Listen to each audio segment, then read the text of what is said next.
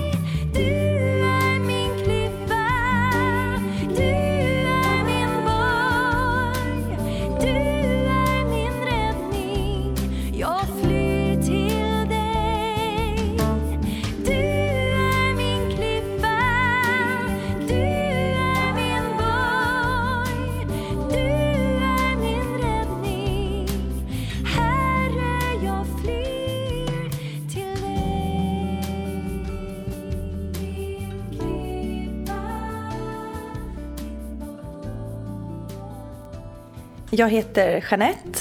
Eh, jag är 40 år gammal.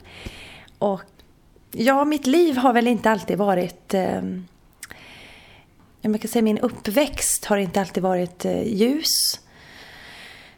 Utan jag är uppvuxen i ett hem där min pappa missbrukade alkohol. Och, eh, och det fick naturligtvis konsekvenser för mig som människa. Både som barn men även som vuxen så har jag ju förstått hur det har påverkat mig ännu mer. En drogberoende förälder har tappat fokus på det egna barnets behov.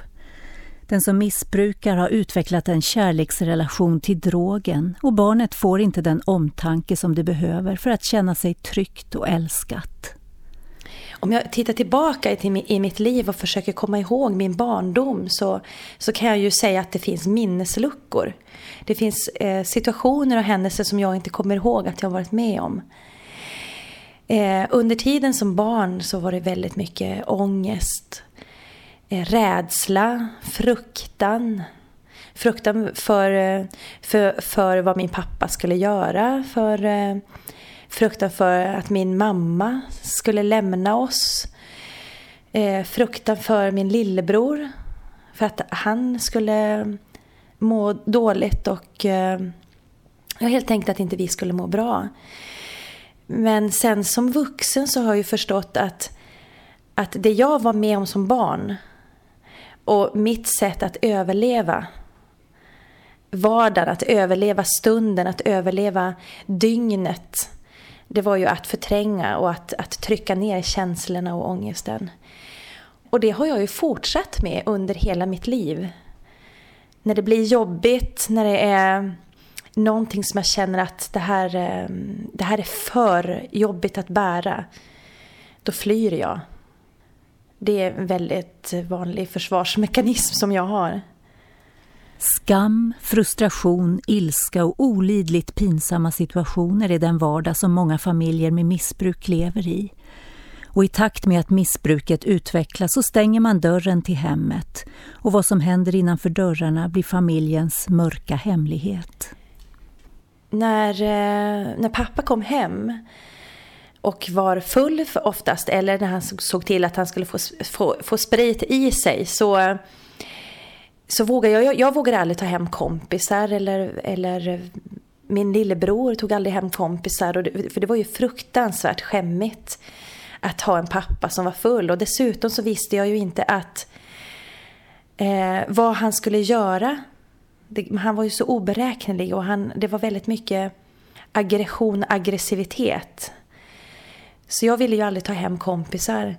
Och sen eh, Samtidigt så när det pågick som värst med eh, de här kvällarna när, när pappa kanske eh, var hotfull mot min mamma eller mot, eh, mot oss som barn.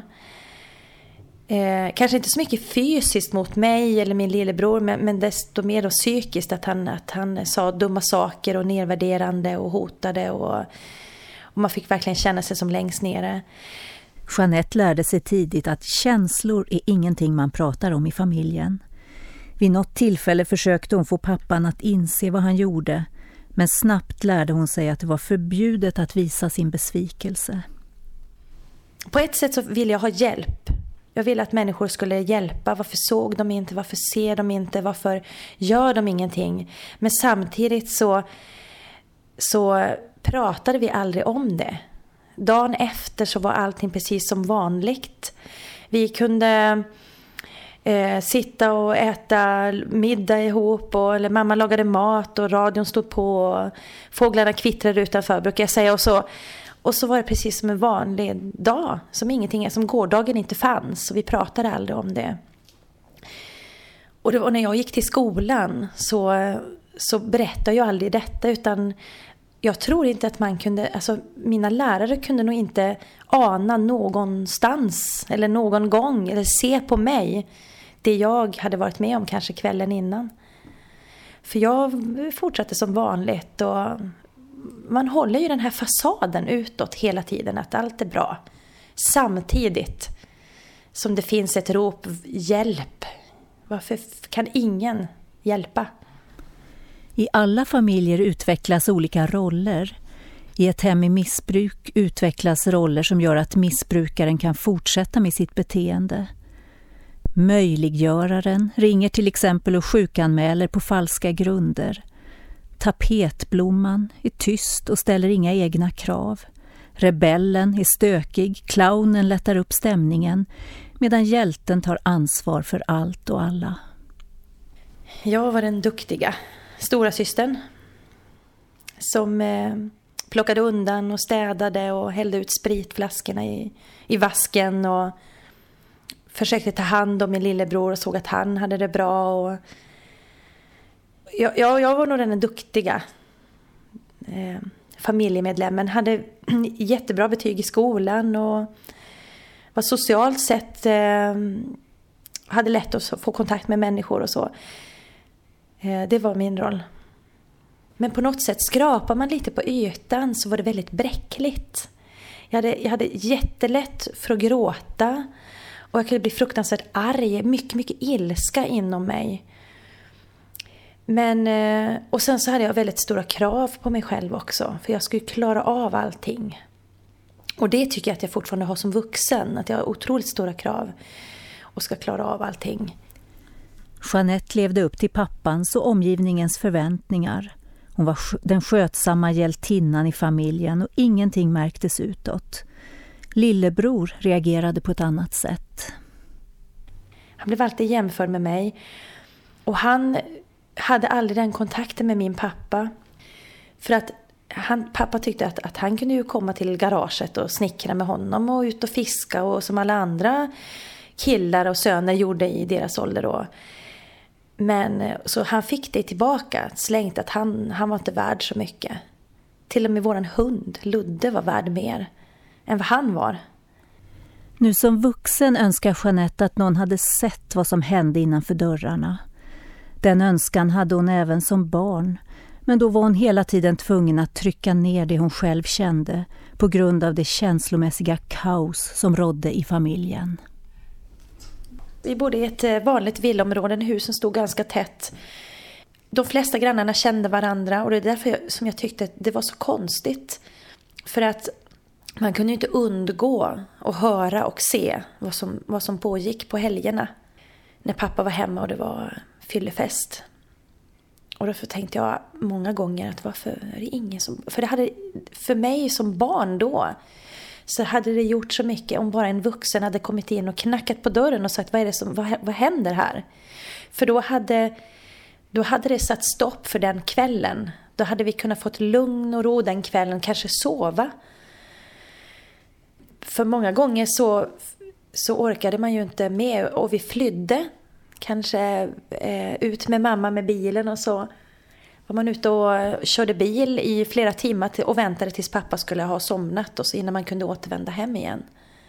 Men eh, andra gånger så orkar jag inte ens det utan då, då brukar jag bädda under sängen.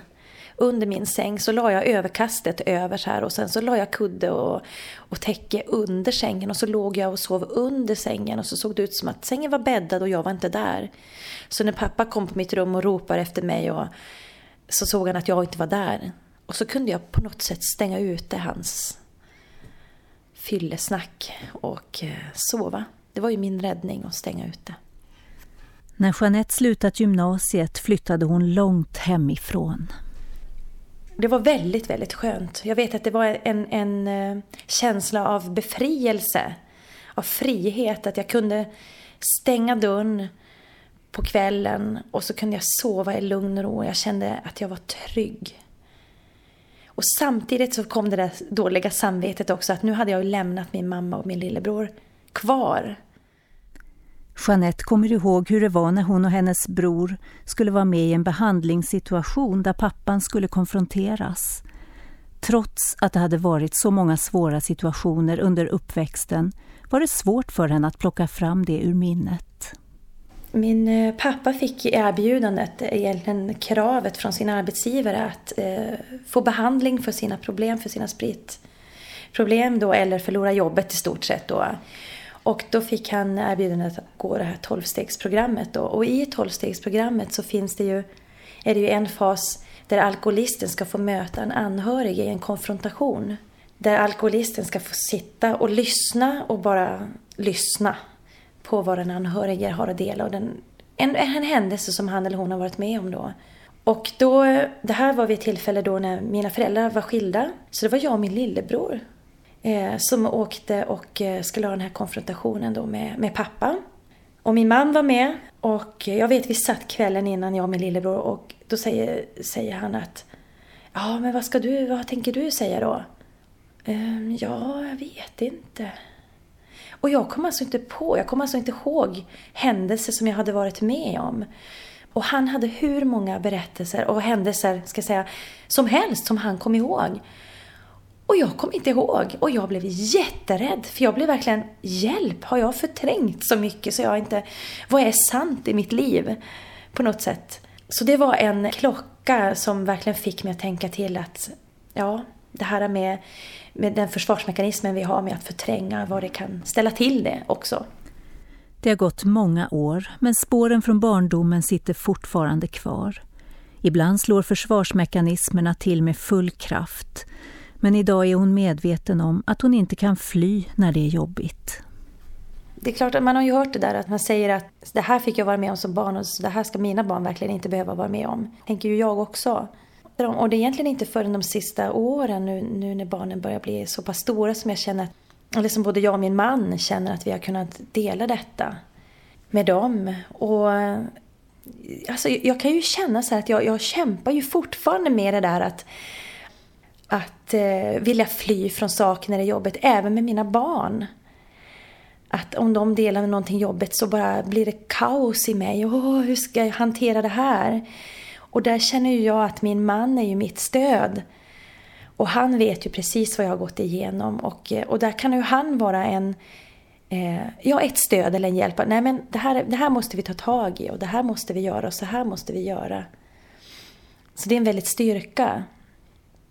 För att eh, inte trycka ner, att inte fly. Utan att istället vara öppen och våga prata. Men det, det kan jag ärligt säga att det kämpar jag ju med. Det, det är inte så enkelt. Jeanette vill ge dig som har vuxit upp i ett missbrukarhem ett råd. Våga söka hjälp och få den hjälp du kan få i form av terapi eller samtal är jätteviktigt. Och våga be, be Gud att han ska hela dig. Du kan be människor be för dig också. Men jag tror också att man i sin ensamhet kan be till Gud om helande. För ibland vet man inte alltid själv vad man bär på. Alltså, men att eh, Gud vet. Och Gud vet allt om dig. Och Gud vill ditt bästa.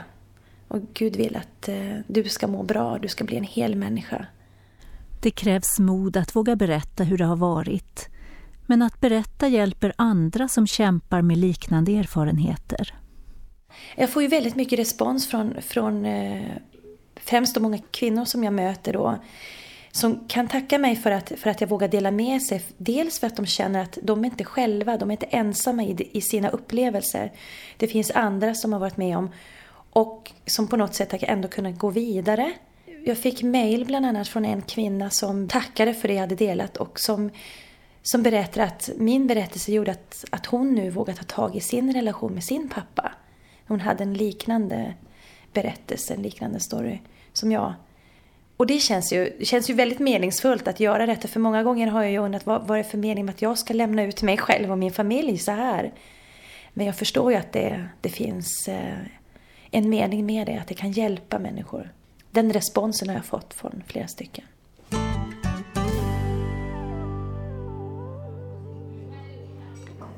Du finns kanske med oss idag som delar Jeanettes erfarenheter. Jeanette pratade om att det är viktigt att ha någon som man kan anförtro sig åt. Att våga berätta för någon kan hjälpa både dig och dina föräldrar. Strax fortsätter Jeanette sin berättelse, men först sjunger hon Till dig.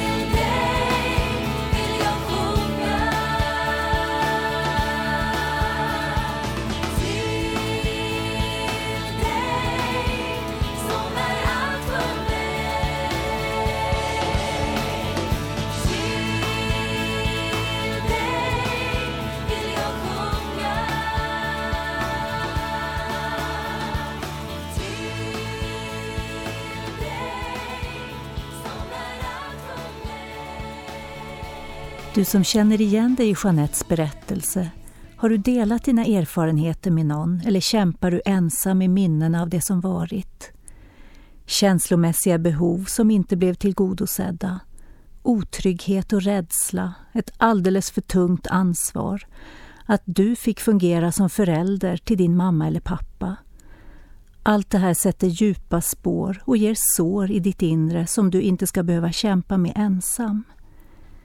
Det finns hjälp att få. Det finns människor som är beredda att lyssna till din berättelse, som låter dig säga allt du vill dela utan att avbryta. Du behöver inte le när det känns som om du bara vill gråta. Det är inte farligt att låta tårarna rinna. Gråten kan vara befriande och till hjälp för ditt inre helande. Den som kan hela, upprätta och förvandla på djupet är Gud. Det kan många, många människor berätta om. Han kan också hjälpa oss med det som kanske verkar fullständigt omöjligt. Att förlåta den som gjort oss så illa. Förlåtelsen är många gånger en lång process.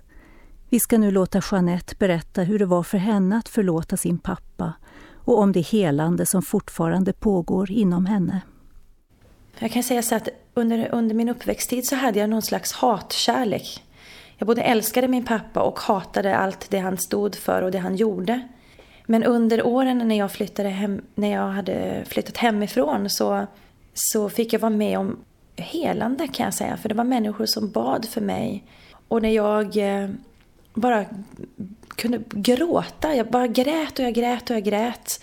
Och ibland visste jag inte varför jag grät. Ibland kunde någon komma och säga jag känner att jag ska be för dig och din pappa. Att säger det dig något? Och då visste jag ju vad det var. Alltså jag blev kristen när jag var 17 år gammal. Och man kan säga att, att mitt helande började då. Min eh, relation till min pappa upprättades, började upprättas då. Jag tror inte att jag hade haft förmågan, tanken fanns inte ens i mig att jag skulle förlåta honom. Det fanns liksom inte någonting sånt utan han hade gjort det han hade gjort och jag visste vem han var.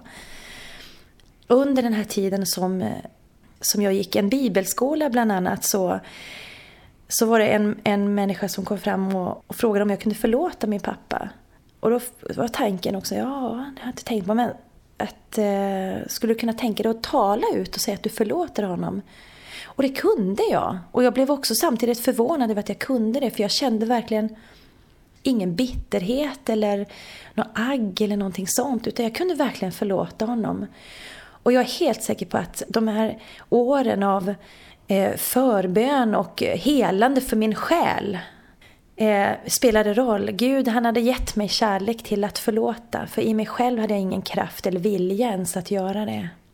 Det är inte så enkelt att förlåta. Man, man kan inte bara göra det. Jag tror inte det. Och för mig så tog det en viss tid att göra detta. Och Gud han har helat mig. Han håller på med sitt helande fortfarande, ser ju jag. Jag anser mig inte hel. Jag, jag vet att jag fortfarande har... Jag brukar säga att jag, jag, jag är lite skadad.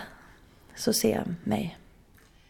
Ja, helande tar många gånger lång tid. Men Jeanette har fått uppleva hur Gud i sin kärlek bit för bit gör något i hennes inre. Hennes pappa är idag nykter alkoholist och också han har mött Gud.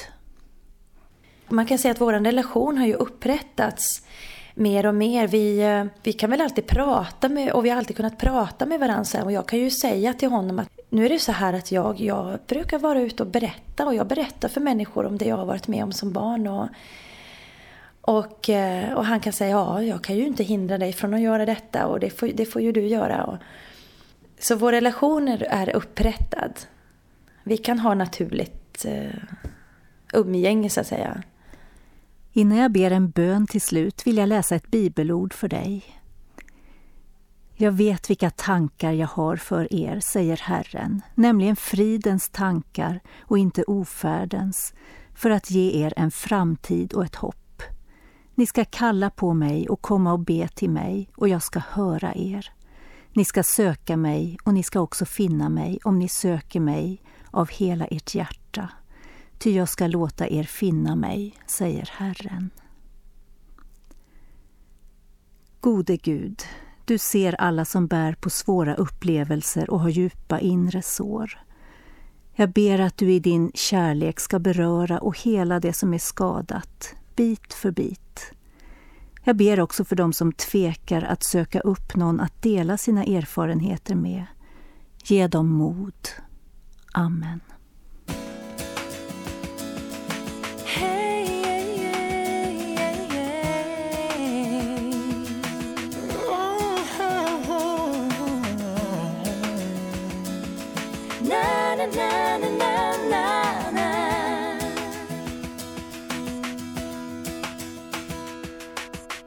Utöver hav och över land ström av kärlek flyter fram. Jag öppnar mig och tar emot den enda frihet som är sann. Min lycka är att vara din. Jag lyfter händerna mot dig För jag vill tacka för all kärlek som du ger mig.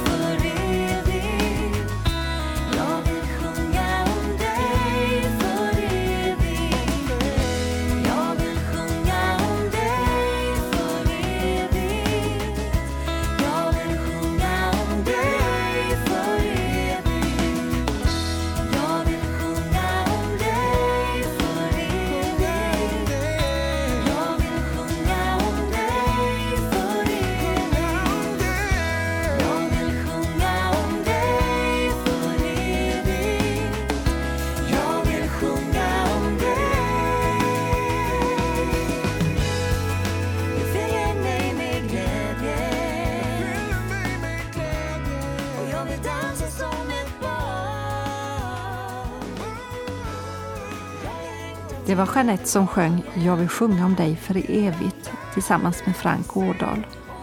Hannas Café har handlat om att växa upp i en familj med missbruk. Om du vill så får du gärna skriva en rad till oss. Adressen kommer snart. Vi hörs igen. Ta väl hand om dig.